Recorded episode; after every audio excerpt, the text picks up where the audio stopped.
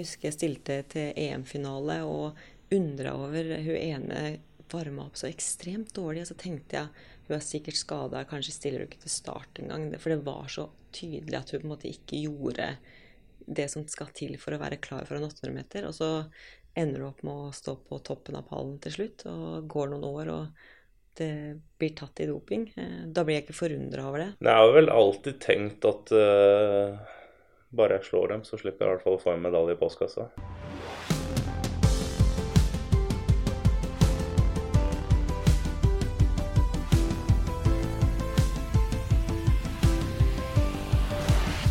Om du skal trekke fram én idrett når du tenker på doping, så ville nok kanskje mange ha svart friidrett. Vi veit at det er mange som har juksa i de forskjellige greiene opp igjennom. Og kanskje var det spesielt mange som tok snarveier tilbake på 80-tallet. Og fra det tiåret stammer òg mange av verdensrekordene fra. Som jo er veldig viktig i en idrett som friidrett. Det fikk jo vi nordmenn virkelig oppleve i sommer, da Karsten Warholm først sletta verdensrekorden på Bislett, for så å knuse den i OL i Tokyo. Men for to av våre andre store friidrettsprofiler så verker kanskje verdensrekordene enda mer oppnåelige. Ingen har kasta slegga lenger enn det ble gjort på 80-tallet. Og sju av de beste tidene på 800 meter for kvinner gjennom tidene blei satt før 1995. Burde rekordene satt før et visst årstall bli sletta for godt og starte helt på nytt? I 2017 var et slikt forslag oppe hos Det internasjonale friidrettsforbundet, og det hadde ført til nye verdensrekorder i greinene til dagens to gjester i Antidopingpodden. Fersk OL-sølvvinner i slegge, Eivind Henriksen, og 800 meter semifinalist fra Tokyo og norgesrekordholder Edda Hynne. Først så må vi si velkommen til Antidopingpodden til deg, Hedda Hynne. Tusen takk for det. Du er jo Norges beste 800-meterløper gjennom tidene. I fjor satte du norgesrekorden din på 1.58,10. Og det var jo årsbeste i verden akkurat da. Så ble det nest beste til slutt i 2020. Nå har du jo avslutta en sesong som du kanskje ikke er like godt fornøyd med. Åssen er følelsen din om dagen? Eh, nå har jeg det ganske fint. Nå har jeg sesongpause, så har litt hvile og får eh, egentlig sesongen litt på avstand. Tenker på andre ting, gjør andre ting, har god tid og eh, ja, litt sånn mental break, egentlig. Men det er klart, den sesongen som var i 2021, den var ikke helt som jeg hadde håpa. Men jeg la merke til det du sa i innledninga om Norges beste gjennom tidene, og det, det smaker godt. Det, ja, det, har vært noe jeg har hatt lyst til å være, kunne si liksom lenge. Jeg har har vært der og konkurrert i, i toppen. Men da virkelig sette det, sette det, i fjor, det var gøy. Ja, Det er fint å høre det om seg sjøl i ettertid. ja, det er det. Den følelsen der, den henger i lenge, kanskje? Ja, absolutt. Altså, er det måte jo, Det er noe du ser fram til. måte, Det der å kunne, eh, kunne bli den beste i Norge. Det er på en måte en del av, av trappetrinna. Og mot å gå ut i, i verden og konkurrere mot de beste der. Så Ehm, det var et steg på veien som jeg er veldig fornøyd med, men så har jeg også lyst til å fortsette å være, være en, et godt forbilde og en, en, som presterer bra for Norge eh, og på et høyt nivå hele mm. karrieren. Og Da er det jo veldig stas å ha deg, deg og Eivind Henriksen da, på besøk her i Antidopingpodden. Mm. Ikke rett fra Tokyo, men det er ikke så lenge siden OL der heller, der du var i en eh, semifinale. Men eh, Hedda, du har jo liksom en litt sånn spesiell vei til, til, denne, til verdenstoppen òg. Du er litt sånn sjelden utøver. For, for stort sett så hører du jo om utøvere som ja, starta med idretten sin før du var ti år og visste tidlig at du skulle bli verdens beste i, i sin idrett. Mm. Men det var jo ikke sånn for deg. Nei, det var ikke det. Jeg var ganske sen på banen i, i friidrett, eh, bokstavelig talt. Jeg begynte da jeg var 20, og var vel kanskje ikke i gang med noe som ligna noe før jeg begynte å trene med treneren min som jeg har nå, som på en måte satte opp et litt eh, satte opp et litt opplegg som ga mening. Så det var kanskje 2012, da. Så da var jeg 22. Og likevel så er det mulig å, å komme til en OL-semifinale?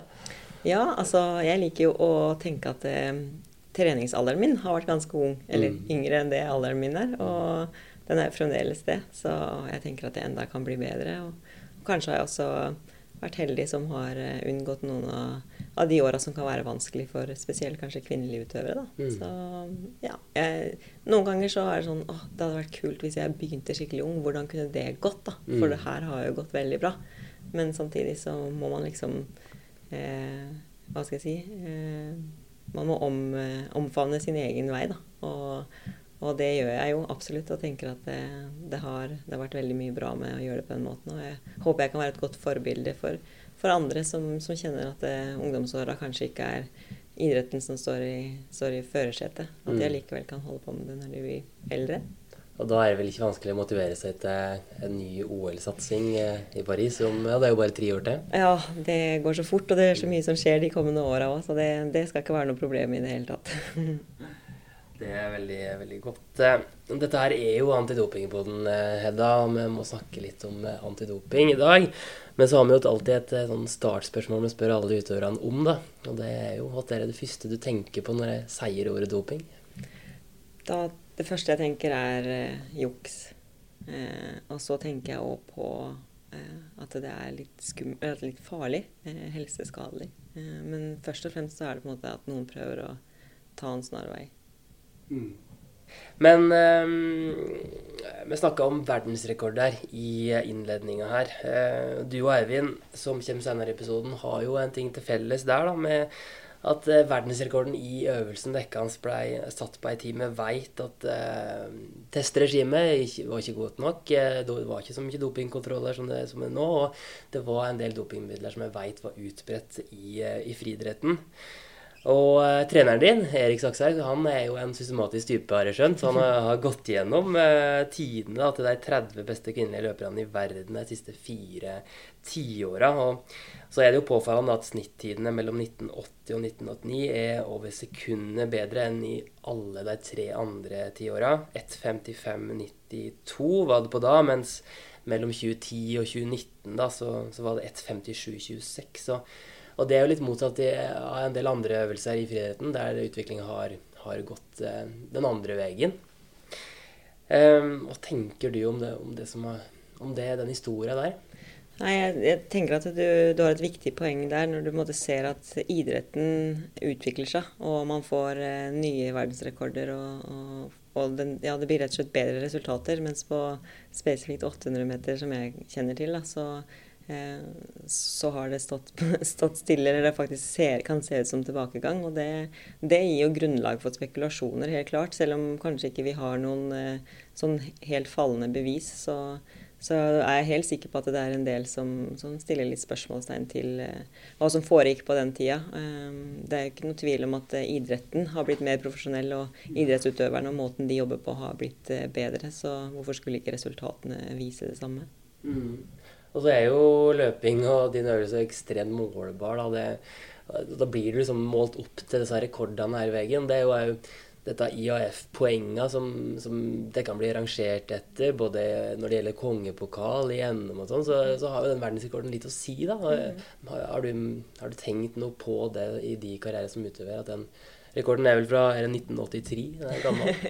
ja, eh, det er klart at eh, de gangene hvor jeg måles opp mot den, så kjenner jeg på at det, det føles litt, eh, kan føles litt urettferdig. Fordi ja, nettopp idretten er i utvikling, og det naturlige vil være at fremgangen på en måte foregår jo mer som blir løpt på distansen. Mens hos oss så har det på en måte ikke gjort det. Um, og det er, det er, knalltøft å måles opp mot den, mot den tida som, som, vi ikke har sett noen være egentlig i nærheten av. Um, og det er jo kjedelig når du da skal være slåss om f.eks. kongebokale og lignende, men uh, samtidig så, så, er det ikke noe som jeg tenker på veldig mye i dagliglivet. Jeg tenker på de jeg konkurrerer mot nå, uh, og jeg håper og tror at det er en renere idrett, og at det, det, er det jeg kan gjøre noe med, og har noe med å gjøre akkurat nå, egentlig. Mm. Men burde, det har jo vært diskusjoner da, om disse rekordene burde bli sletta. Om en skal sette et, eh, et, tidspunkt da, med et årstall der eh, rekordene som er innsatt før det, burde bli sletta. Avdøde Svein Arne Hansen var jo en påkjemper for, forkjemper for det, annet. Mm. Tror du det hadde vært en god idé? Det, jeg har ikke noe godt svar på det. Jeg har ikke satt meg godt nok inn i det til å måte, si at de burde være sletta, selv om jeg vet at spekulasjonene og grunnlaget til spekulasjonene er ganske sterkt. Eh, så, så, lenge jeg på en måte er i karrieren min sånn som jeg er, så tenker jeg at det ikke lønner seg for meg å bruke for mye tid på eh, sånne ting. Fordi at det, ja, så, så kan det påvirker litt i forhold til noen I utslag i noen vurderinger, men stort sett så, så handler det om for meg å bli bedre. Eh, og det kan jeg fremdeles bli, uansett hva den er. Og, og jeg kan, eh, kan, også hevde meg internasjonalt, fordi jeg konkurrerer jo ikke mot, eh, mot den tiden, sånn sett, da. Nei, Det er jo et viktig poeng. da. Du konkurrerer i 2021. Mm. Og 800 meter Vi snakka litt om det sist vi prata, at det er en litt sånn spesiell øvelse òg. Mm. Hvorfor? Eh, det er jo selvfølgelig din favorittøvelse. Du er jo glad i 800 meter. Men eh, er det lettere Har du alltid tenkt at det her er en øvelse du kan nå verdenstoppen i?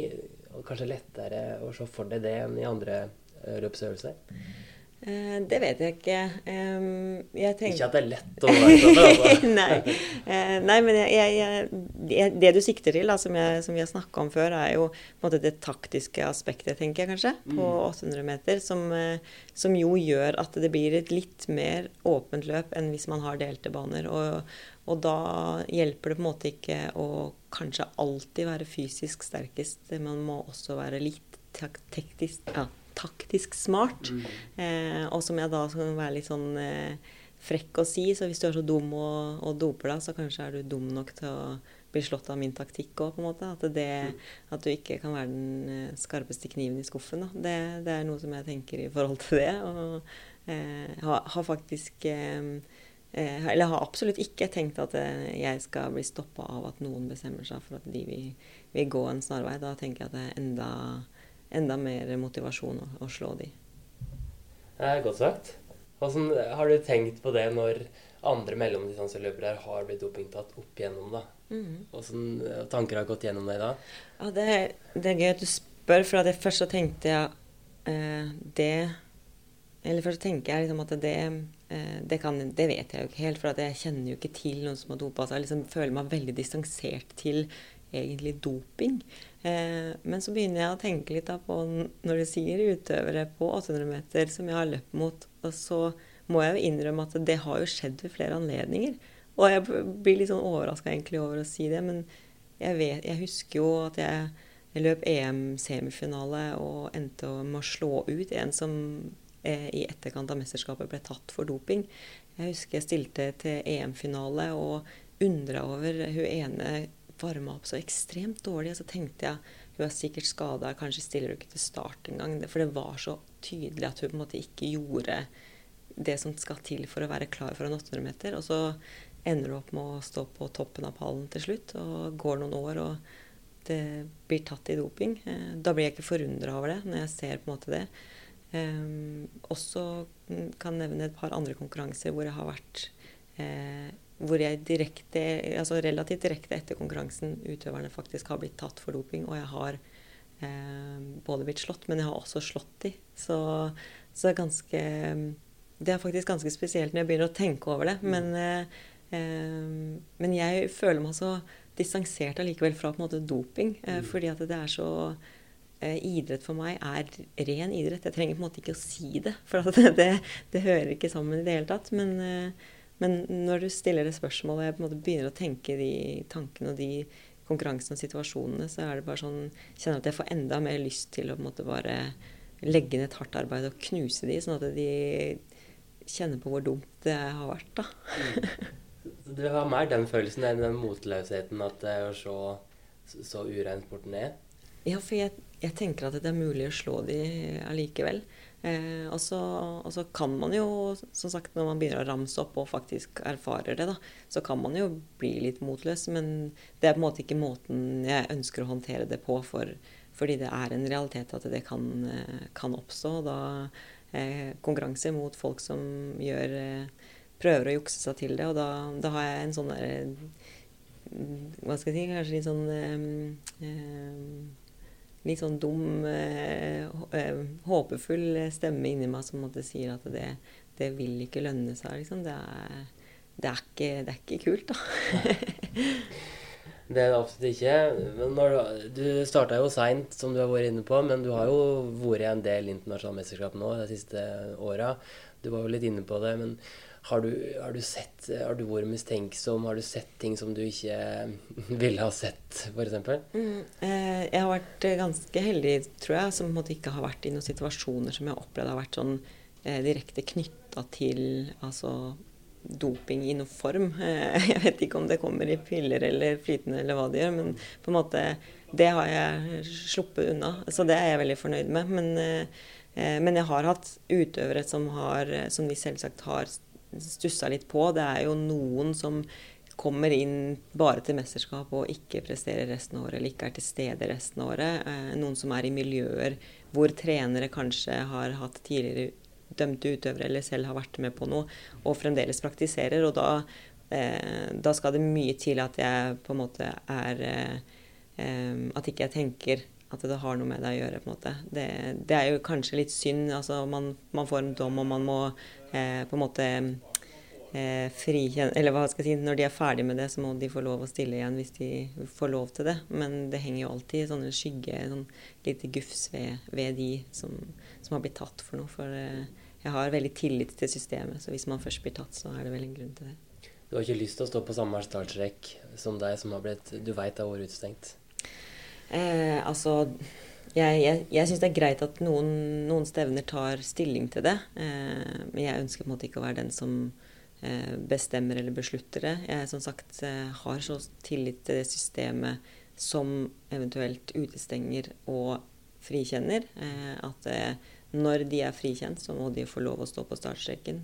Men de vil alltid ha en skade i, i omdømmet fra min side. Det vil, det, vil, alltid være noe som, som henger ved de for meg, da. Mm. Og i de tid som utøvere, eller når du har vært utøver, så har jo straffene har jo blitt strengere. Det er lengre utestenging. Og så veit vi at det har skjedd mye rundt antidopingarbeidet, og spesielt kanskje i friidretten de siste åra. Eh, det har blitt tatt et viktig oppgjør. Og, og friidretten blir jo sett på som et av særforbundene som jobber aller best med antidoping. Eh, AIU, Athletes Integrity Unit, som, som jobber med, med, antidoping for uh, friidretten, er uavhengig fra World Athletics. Eh, merker du den jobben som blir gjort i internasjonal friidrett på noen måte? At det har blitt renere? Eh, jeg må aller først si at jeg, blir, jeg smiler for meg selv, for jeg blir glad når du sier at det, det jobbes veldig godt i friidretten. Det syns jeg er en bra ting. Eh, men jeg, jeg satt og snakka litt i morges med Hanne Haugland faktisk om det, for hun har jo vært inne i friidretten på et veldig høyt nivå. Og, eh, og tenkte å høre litt med henne hvordan hun har opplevd at det har vært den siste tida, og om hun opplever det. fordi jeg syns det kan være litt vanskelig å måte sette fingeren på at det er veldig mye mer arbeid rundt det. Mm. Og vi var vel egentlig litt enige om at det er litt sånn usynlig arbeid. Eh, vi, vi er jo meldepliktutøvere og på en måte må gjøre den jobben og vet hva som måtte skje med oss. Men, men allikevel så er det mye som foregår som på en måte ikke vi har innsikt i. da. Eh, og, og, og, også kanskje litt for å beskytte oss selv. At vi på en måte holder det litt utenfor. Eh, vi går på jobb og gjør det vi skal, og vi gjør det på en ren måte og tenker at det er det vi må forvente at de andre gjør òg. Og så lenge vi holder på med det, så, så er det på en måte det vi må holde fokus på for å kunne prestere best mulig. Du nevnte jo meldeplikt, og du er jo en av rundt 125 utøvere i Norge som er på denne meldepliktslista. Det er ikke noe hemmelighet at du er en av deg som, eh, som topputøver i friidrett. Um, men meldeplikt det kan jo sikkert være litt uh, styrete det for en utøver å melde, melde åra ned til enhver tid. Det er jo en time du må være tilgjengelig for dopingkontroll da, til, til enhver tid. Jeg hadde lyst til å høre, snakke litt med deg om hvordan det kjennes for deg. Hvordan eh, preger det hverdagen din? Ja, jeg, jeg, I starten, da jeg ble meldepliktutøver, så syns jeg det var litt stas. Fordi at det, det det er jo et bevis på at du på en måte presterer på et nivå hvor folk legger litt merke til det du gjør. da. Mm. Tenker at det, liksom, det, ja, det, er fordi jeg har resultater som gjør at de vil være sikre på at jeg gjør det rent. Eh, og det er fremdeles måte, den holdninga jeg har til det når eh, blir vekt grytidlig på morgenen og nesten ikke klarer å åpne øynene, så, så, er det på en måte sånn ok, jeg vet at det, det, her er noe som jeg vil at de skal gjøre. De vil at de skal gjøre det for meg, og jeg vil at de skal gjøre det for idretten. Eh, så jeg er på en måte takknemlig for det. og Eh, det er som du sier, vi må opp i én time hver dag hvor vi er tilgjengelig på et bestemt sted hvor de kan nå oss. Og i tillegg så kan de jo komme når som helst ellers i løpet av døgnet. Så jeg skal ikke si at det ikke er litt plagsomt når du kommer hjem fra trening klokka halv ni på kvelden, og så står de på døra, og så må de være med deg og lage mat og sitte og se på deg og spise, på en måte, fordi at de skal ha deg under oppsyn.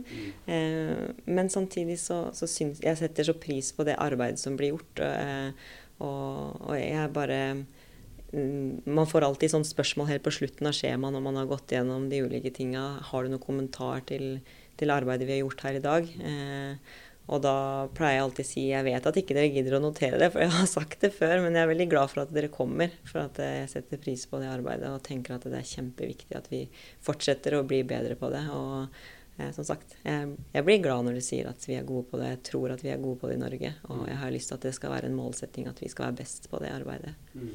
Da går det helt greit at uh, du får med deg noen flere gjester på tacokvelden?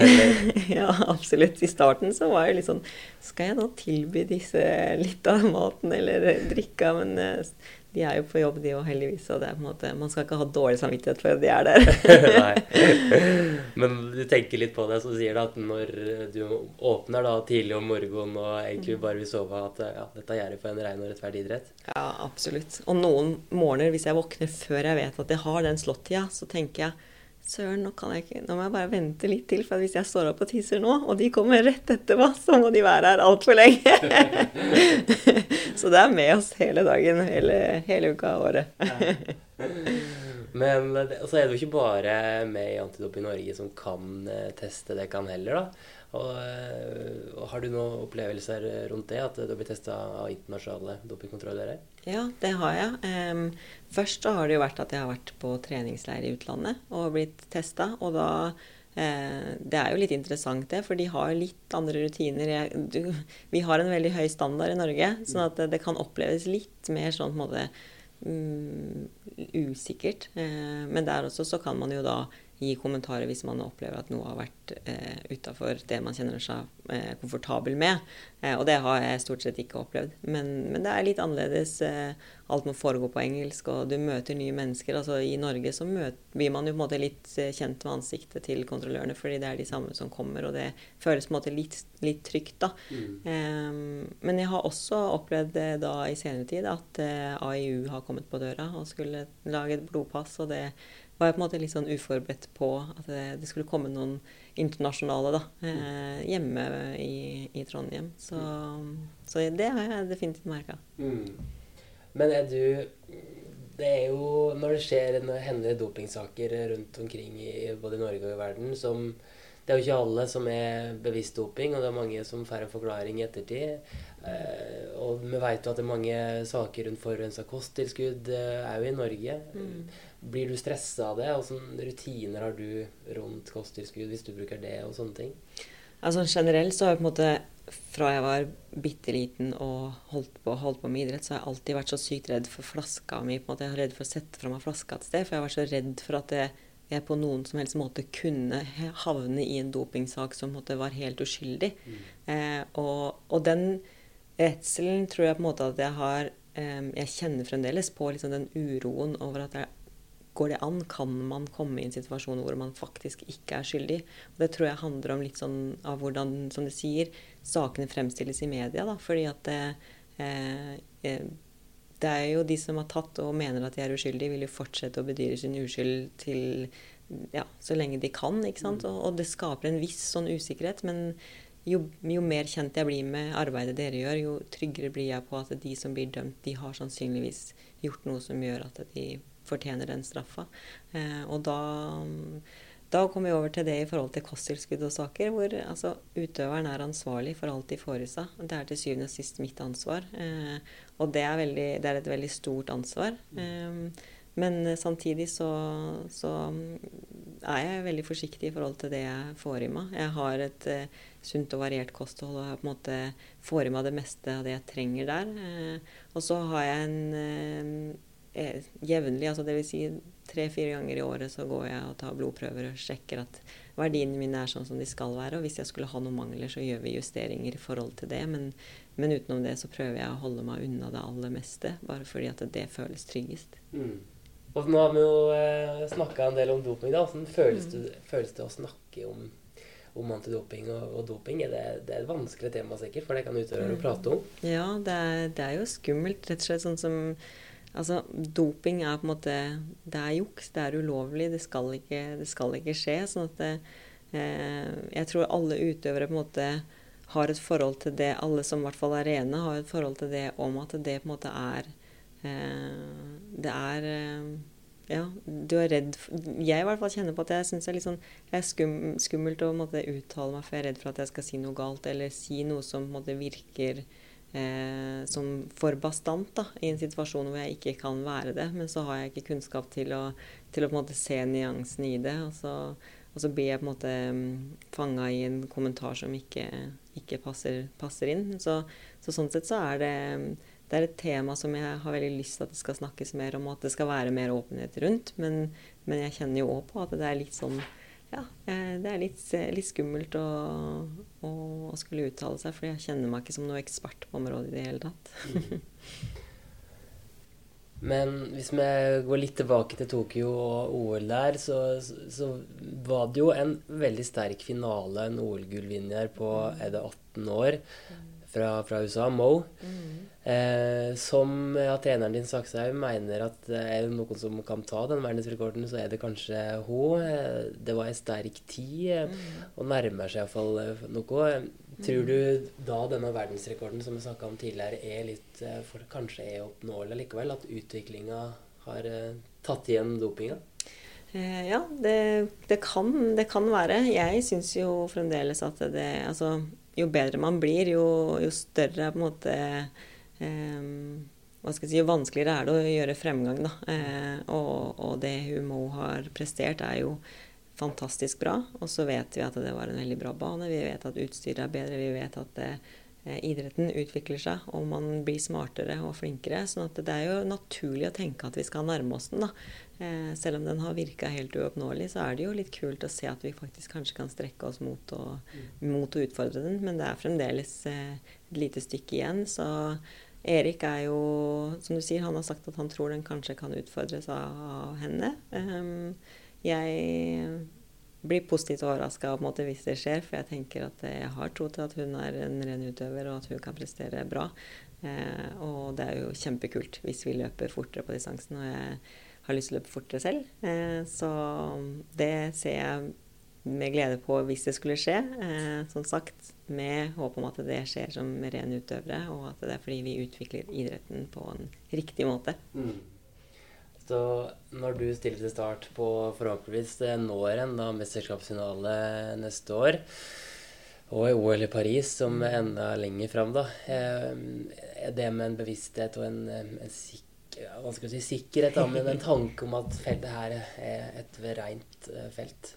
Ja, um, egentlig så er det jo det. Og så er det jo Kan jeg ikke si det på en måte med 100% sikkerhet før jeg ser hvem som står på startstreken. Fordi som jeg sa, det er alltid noen utøvere som man har en litt Du kan kjenne på en litt usikkerhet til. Uh, men uh, hvis du ser på finalen som var i Tokyo, så føler jeg meg ganske trygg på at det var uh, rene utøvere som står der. Jeg håper det. Jeg har troa på det. Eh, og jeg har troa på at de fleste som holder på, også er det. Fordi igjen, jeg ser på en måte ikke poenget med å holde på hvis ikke. Eh, og, så vi får se når vi står der. Men eh, uansett, når jeg står på startstreken, så kommer ikke det til å være i mitt hode i det hele tatt.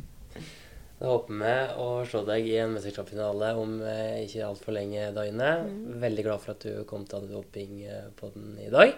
Tusen takk. Det var veldig stas å være her. Ja, Vi har jo enda en solid gjest i dagens episode av Antidopingpodden.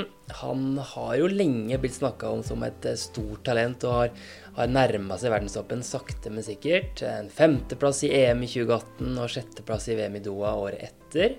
Men det er jo medaljer som skal til for å få sitt virkelig store gjennombrudd. I en, iallfall kanskje i en grein som eh, slegge.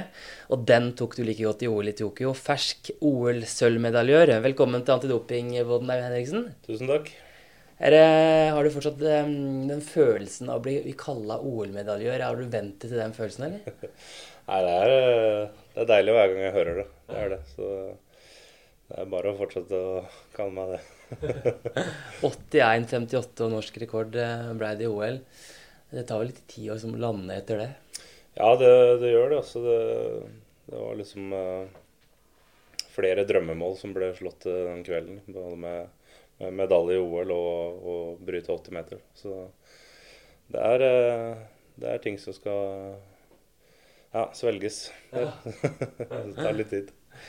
Og Du skulle jo egentlig vært her sammen med Hedda, da, som hørte tidligere, men uh, så har du vært litt sjuk. Sykdom uh, nå som har gjort, uh, gjort, det litt vanskelig å komme da. Men åssen er formen nå? Nei, den kommer seg nå. Så det er hardt med unge som begynner i barnehage. Da, da blir det litt sjukdom. Ja. Så nå begynner snart oppkjøringa mot nye mesterskap med både EM og VM neste år? Ja da, jeg har kommet litt i gang. Så jeg begynner med litt sånn type fitnesstrening, og så går det gradvis over til mer løfting. Da. Og du er jo en av få norske medaljevinnere i OL som faktisk har jobba ved sida av satsinga, men eh, det får du kanskje ikke lov til nå lenger? Nei, det blir, det blir, nok litt vanskeligere framover, for nå, nå, skal jo samboeren tilbake i jobb, og ja, ungene er i barnehage, og, så det, det, Da kan liksom ikke jeg være på, på jobb eh, eh, som vanlig tid, og så dra rett på trening og bli borte liksom hele ettermiddagen og kvelden. og Så. Så nå blir det permisjon fra jobb etter nyttår, da. Full satsing. Det er bra. Men du, vi har jo et fast spørsmål vi stiller alle i Antidopingpodden. Og det er det første du tenker på når jeg sier ordet doping? Nei, altså Det første jeg tenker på, er jo juks, da. Det, det, er jo det jeg tenker på først når jeg hører det ordet. Så det er litt sånne eh, merkelige, merkelig ord å, å, tenke på. For det er liksom sånn er, For meg så er det veldig mørkt, da. Eh, det er jo liksom folk som gjemmer seg og gjør det her, og man vet jo liksom ikke hvem som gjør det, eller hvem som ikke gjør det. Så Men eh, ja, det er et, det er et ekkelt ord. ja, absolutt. Og du, eh, som vi snakka om med Hedda, så må vi snakke litt om verdensrekord. For eh, som på 800 meter, så er rekorden òg fra 80-tallet i sleggekast. 86-74 kasta Jori Sedyk fra Sovjetunionen i 1986. Den er ganske gammel. Det er ikke mange mannlige verdensrekorder som er så gamle. Og så er det jo en utøver og en rekord der hvor mye dopingmistanke bak. Han, vi må jo understreke at han ikke er tatt, men han ble bl.a. nevnt av Rodsjenkov, da, han tidligere direktøren for dopinglaboratoriet i Moskva, i boka hans. Så ble betegna som en, en, stor steroidemisbruker som ble beskytta av russiske tjenestemenn, ifølge Rodsjenkov. da. Og disse rekordene, verdensrekordene er jo noe det kan friidrettsutøvere alltid blir eh, målt opp mot. Hvordan eh, kjennes det at en så gammel rekord fortsatt står i, i slegget? Nei, altså at den, er, at den, er, gammel, det er jo helt greit. Men uh, det er jo det at man ikke vet helt uh, om den var rein, da. Uh, som den kanskje mest sannsynlig ikke var. Jeg er jo litt forsiktig med å uttale meg om, om utøvere som ikke er tatt. Men det er jo ikke noe tvil om at det var litt andre tider på, på 70-80-tallet, og at uh, Sovjet spesielt kanskje spiste litt ting som de ikke skulle spise. Mm. Um, og Som jeg var innom tidligere i episoden, så, så hadde jo Det europeiske friidrettsforbundet med, med Svein Arne Hansen i spissen et forslag da, om å slette disse gamle verdensrekordene. Og, og da skulle jo det, det Forslaget gikk jo på at en utøver måtte ha blitt dopingtesta rundt seks ganger da, i forkant av rekorden, og dopingprøva som ble tatt etter konkurransen, må være tilgjengelige for retesting i etterkant og bli, og bli tatt på godkjente stevne. Da. World Athletics har tatt vare på prøver siden 2005, så derfor vil jo da rekorder før 2005 bli sletta, om det forslaget her har gått gjennom. Og det har de ikke gjort ennå, men det forslaget var der fall. Hva tenker du om, om, et sånt forslag? Eh, å slette disse gamle verdensrekordene før 2005? Nei, altså Det er litt vanskelige problemstillingene. For det er liksom eh, Man vet jo at det er gjort gode resultater før 2005 også, hvor folk har ikke gjemt seg og vært testa mye og sånt. Så det, eh, det, går jo mye på det at de begynte å bevare disse prøvene etter 2005. Så det er på en måte synd for mange av utøverne som, eh, som, var før det også, som uh, ikke får mulighet til å få den rekorden. Og så er det liksom hvem, hvem, skal ha rekorden nå? Det, det, er liksom vanskelig å vite, for det er jo mange som har kasta langt, som har godkjente resultater, men som, som man vet er tatt. Mm. Så Nei, Det er litt vanskelig. Jeg tenker heller at uh, i hvert fall sånn som i kastøvelsene, så er det jo veldig lett å endre på redskapen istedenfor. Og på en måte begynne på nytt sånn. Ja, Åssen å eh, endre på, på tyngda på redskap på slegge, slegga, liksom? Ja, altså man kan jo endre vekt, eller endre på lengden på strengen, eller ja. Det er mye man kan gjøre med, med kasteredskapene. Uh, Man har jo liksom en, en vekt som, som stammer fra, fra, England, som er 16 pund. Så det er 7,26 kilo. Hadde man liksom bare gått ned til 7, da, så hadde, jo, så hadde man jo på en måte startet på nytt. Man har jo gjort det i, i spyd tidligere. Det var jo ikke pga. doping, men pga. at det gamle spydet gikk for langt. Da, så de, de måtte flytte på tyngdepunktet. Det hadde vært en enkel måte å starte på nytt igjen og kunne faktisk kjempe om den verdensrekorden? da? Det hadde det, eh, men det er jo kanskje vanskeligere i andre øvelser. Da, mm. Eh, hvor man ikke har et redskap man kan endre på. Mm. Men eh, 86-74, ja, verdensrekorden. Du har jo da norsk rekord da, fra Tokyo på 81-58. Hvor, eh, hvor, vanskelig er det å ta den verdensrekorden? Er det umulig?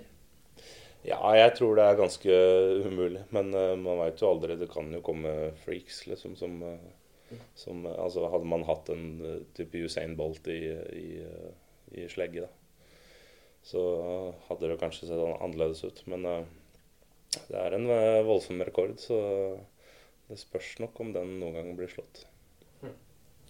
Og så har du litt å si den rekorden eh, bl.a. i, NM og når, når en bruker disse poengene i friidretten for, for å sammenligne de ulike øvelsene. Og, og, da har jeg skjønt at det skal litt til for å få en kongepokal for deg, f.eks. Når du blir sammenligna med den verdensrekorden.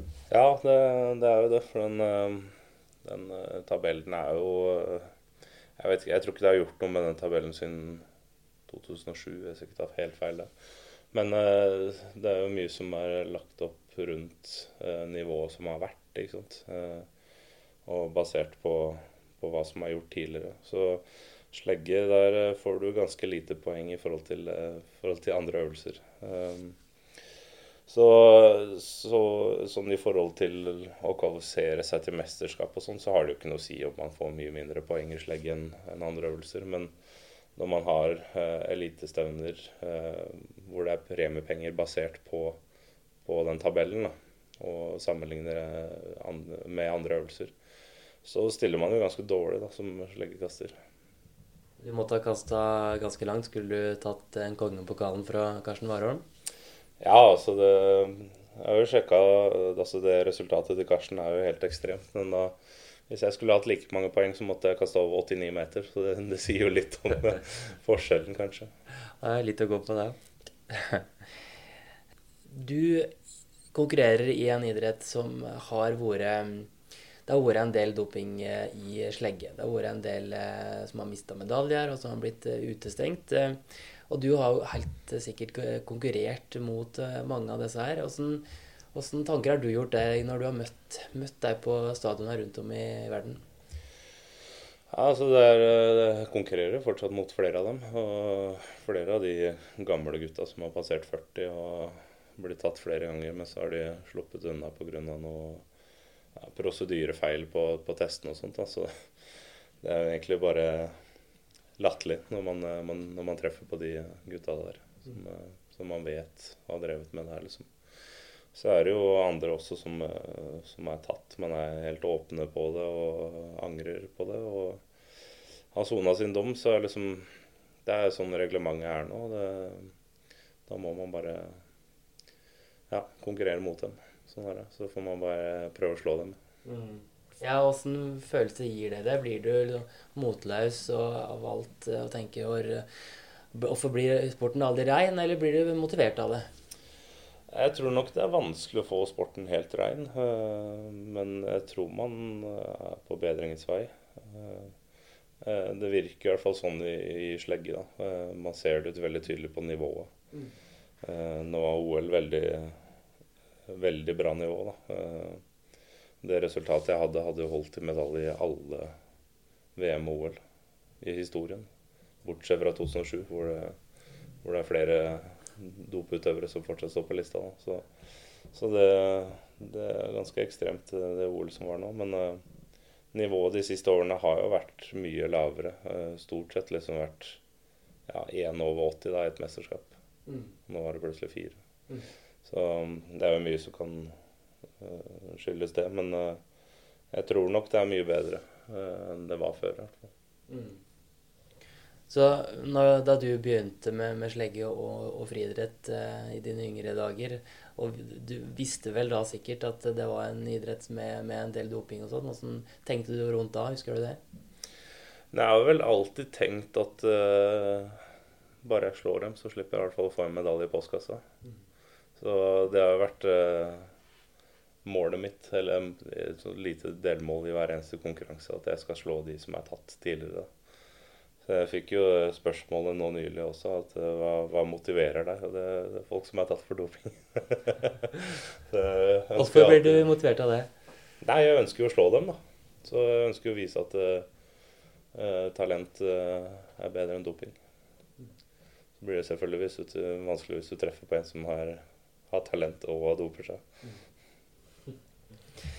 Og du har jo vært ganske tydelig i media da du ble slått av en franskmann, eh, Kent Abigaud, under VM i Doha. Han hadde kommet tilbake etter dopingutestenging eh, for, for anabole steroider.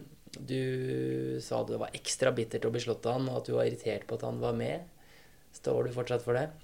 Ja, altså jeg, jeg, jeg vet ikke om jeg sa at jeg er irritert på at han er med, men uh, at jeg er irritert på meg sjøl for at jeg ikke klarte å slå han. Det, det var jeg nok. Uh, så selvfølgelig, man, man, vet jo fra forskning at uh, steroidebruk det sitter jo Altså du har jo effekt det i mange år etter de to eller fire årene som du får som utstengelse. Så det er jo synd at, at det er sånn.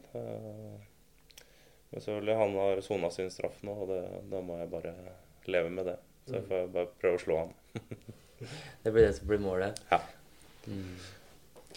Men hadde du helter og forbilder da du var yngre utøvere som, som, du så opp til, men var du sikker på at de var reine?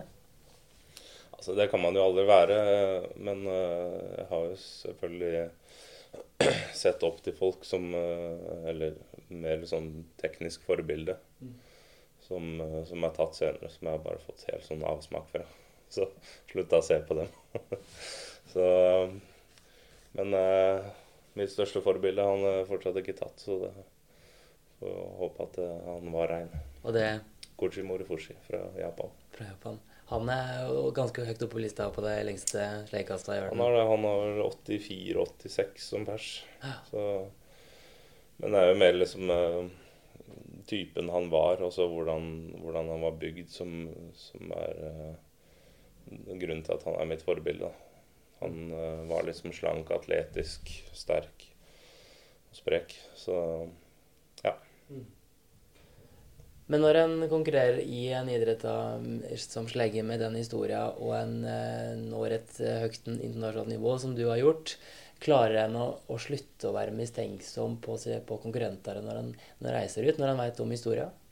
Det er vanskelig. Det er i hvert fall eh, liksom, når man titter på, på statistikken liksom, Allerede i februar så er det plutselig masse russere og hviterussere som har kasta langt. da i minusgrader, så er det liksom hmm, Her er det noe rart. Fordi de kaster plutselig fem-seks meter kortere i mesterskap. Så det er vanskelig å eh, ikke mistenke folk. Mm. Men selvfølgelig det, Man må jo bare leve med det til de blir tatt, i så fall. Mm. Mm. Ja. Du har ikke mista noen plasseringer eller viktige viktige medaljer ennå, iallfall mot noen. Ja, og så mista jo en ganske viktig plassering i OL i London, da, eh, hvor jeg ble nummer 13 eh, i kvalifiseringa. Så én plass fra finalen. Hvor da russeren som eh, ble nummer fem i den finalen, ble, ble tatt. Så det var en ganske kjip opplevelse, for da skulle jeg vært i en finale i, i mitt første OL og kunne kjempa om enda bedre plasseringer. Mm. Kunne vært i finale der alt kan skje? Ja, altså, det, i hvert fall, altså alt kunne ikke skjedd antageligvis, men uh, hadde man hatt dagen f.eks., så plutselig så hadde man vært opp åtte ikke sant? og så fått tre nye kast. Mm. Så det er veldig kjipt, uh, kjip opplevelse, det. Mm. Men det å miste den opplevelsen av å stå på pallen i et mesterskap og da få eh, medalje i, i posten etterkant, det er liksom det ultimate marerittet? Ja, da tror jeg jeg hadde klikka. altså, jeg har jo jeg har jo mista altså, sånn, I 2019 så var det jo sant, et sånt uh, Hammer Challenge eller Continental Tour, da, som er det største for oss leggekastere. Og jeg ble nummer ni, da, uh, rett utafor der man får pengepremier. Og da var jo han OL-vinneren fra 2016 med, som da ble tatt på retesting. Og ja, jeg tapte liksom 100 dollar på det, men det er OK. Det, det gidder jeg ikke å bry meg om. Men uh, hvis jeg hadde mista den opplevelsen av å stå på pallen i et OL f.eks., så tror jeg jeg hadde blitt ganske forbanna. Mm. Ja, som du nevner, han eh, Nazarov, da, OL-vinneren fra Rio 2016, han ble jo seinere utestengt pga. en, en retesta prøve fra VM i Dego i 2011. og da, Han fikk jo ikke forsvart uh, OL-gull i, i, Tokyo. Da var han utestengt. Blir du oppgitt og frustrert over disse nye sakene som dukker opp, eller tenker du da at uh, antidopingarbeidet faktisk fungerer? Ja, det er, det er, i hvert fall veldig bra at man blir tatt da, på, på retest, at det faktisk fungerer. Så, så, sånn sett så er det positivt. Uh, selvfølgelig så skulle man jo håpet at han ble tatt mye tidligere. Mm. Men uh, sånn er det vel litt. Altså, antidopingarbeidet henger alltid litt etter doperne. Føler du det fortsatt? Ja, jeg føler jo at det, det er litt sånn. Eh, nå kan jo ikke jeg så veldig mye om, om doping og sånt, da, men eh, jeg føler at jeg er et lite steg foran hele tida.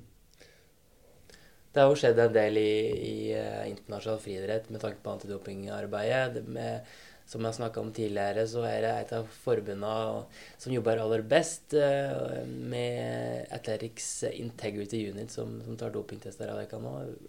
Føler du som utøver, merker du som utøver at det blir jobba, bedre med antidopingarbeidet? Ja, det gjør det. Det straffer seg fra noen. For noen det så vi jo nå i OL, hvor en uh, ukrainer da, som Ukraina er jo på sånn watchlist, da. Så de, um, han hadde jo tatt kravet ganske seint, så, så, han var jo i Tokyo. Men ble stoppa og fikk ikke delta fordi han hadde ikke tre tester da før, før mesterskapet. Mm. Så det er jo kjipt hvis han er rein, da, men uh, det er jo bra at man, uh, man følger litt ekstra med på sånne nasjoner som man vet har mye snusk uh, fra fortiden. Mm. Åssen rykte føler du at uh, sleggesporten uh, har nå? Det henger nok litt uh, igjen det fra tidligere, at man har mye dopere. Men jeg tror egentlig ikke det er så mye verre i slegge enn det er i alle andre øvelser i friidrett. Det har jo vært mye dop i alle øvelser, egentlig. Så det er nok ikke noe verre i slegge- eller kastøvelsen enn det er i alle andre øvelser, uten at jeg sitter på noe statistikk på det nå. Nei. Men du, nå har du vært i, i idretten, i friidretten, i en del eh, år. Og hatt en del mesterskap bak deg. Eh, har du noen historier på, på lager som du kanskje helst ønsker at du ikke hadde sett eller hørt? Nei, jeg har vel egentlig ikke sett eller hørt så mye. Det er jo Jeg har jo hørt en historie hvor det var en, eh, en trener, jeg trenger ikke nevne navn, som ble innkalt til møte med med russiske eh, kastlaget, da, eller kasttrenerne. Hvor de da lurte veldig på hva han brukte på utøverne sine. Og hadde da en eh, plansje med, med mm, hvor langt det var mulig å kaste da uten doping. Så det er veldig spesielt å komme med. For det er liksom Ja, det var ikke mange av de russerne som kasta kortere enn det som sto oppgitt på det, på det skjemaet. Det er jo litt tydelig på at eh, de kanskje bruker noe de ikke skal bruke. Mm. Og du, når vi snakka tidligere i dag, så var du inne på det her med, med rankingsystemet til, til, mesterskap, som har kommet på plass de siste åra. Det har noe med, med slegge å gjøre? Ja, det, det, var jo mye styr rundt det der i, når det ble innført i 2016, før OL. da. For da var det jo plutselig Eller var det kanskje før Ja, det ble innført etter det, faktisk. Men da hadde man gått over til at uh, man satt kravet ganske høyt, og så skulle man fylle opp med, med utøvere fra, fra verdensstatistikken. Mm. Og da kom det plutselig veldig mye rare resultater fra utøvere man aldri hadde sett før. og som uh, liksom tok plassene til de som uh, har vært rundt og vært med på de største stevnene og kasta og vært rettferdig, altså drevet med rettferdig idrett. Så etter det så kom jo det rankingsystemet for å, for å utelukke det at folk var på små stevner og, og kasta ett godt resultat. Og kom til mesterskap pga. det. Ja, for da kom det en del sånn merkelige resultat med, med utøvere som konkurrerte på små stevner og plutselig var i, i mesterskap. Ja, og så så man liksom at når de kom til mesterskapet, så kasta de ti meter kortere plutselig. Så hva som er gjort på de stedene, det vet man jo ikke, men eh, det kan jo være veldig lett å bare kaste med en lettere slegge hvis alle på den konkurransen er enige om det. Og ja, hvis man er enig om at eh, her skal man få utøvere til å komme til et OL, f.eks. Mm. Åssen er miljøet blant de det kan aller beste kasterne i, i verden og rundt på konkurranse? Jeg opplever det som ganske, som ganske bra. Det er flere som, eh, som er enige uh, med, med, det jeg står for, og, og, også går ut i media og, og snakker om uh, doping da, og utøvere som er tatt. Så jeg opplever at det er flere som, som står for de riktige tingene. Mm. Og nå når du da trener mot EM og VM neste år, da, er du trygg på at du kan stå på pallen der, eh, som helt sikkert er målet? Du skal kanskje opp en plass fra, fra sølvet i, i, Tokyo, og er trygg på at, um, at du konkurrerer i et rent felt? Ja, det vet man jo aldri, da. Men uh, altså, det er jo det er jo ikke sikkert at uh, folk er uh, dopa under et mesterskap. Det er det mest sannsynlig ikke. Uh, men eh, at eh, noen eh, jukser i løpet av vinteren f.eks., det skal man ikke se bort ifra. Men det er som jeg sier, det er bare å være best, så slipper man å få den medaljen i postkassa. Mm. Det er glad du ikke konkurrerte med 78-tallet, kanskje? Ja, kanskje det. Tusen takk, Eivind Henriksen, for at du kom til Antidopingpoden. Lykke til med ny treningsperiode fram mot store mesterskap i 2022. Takk skal du ha.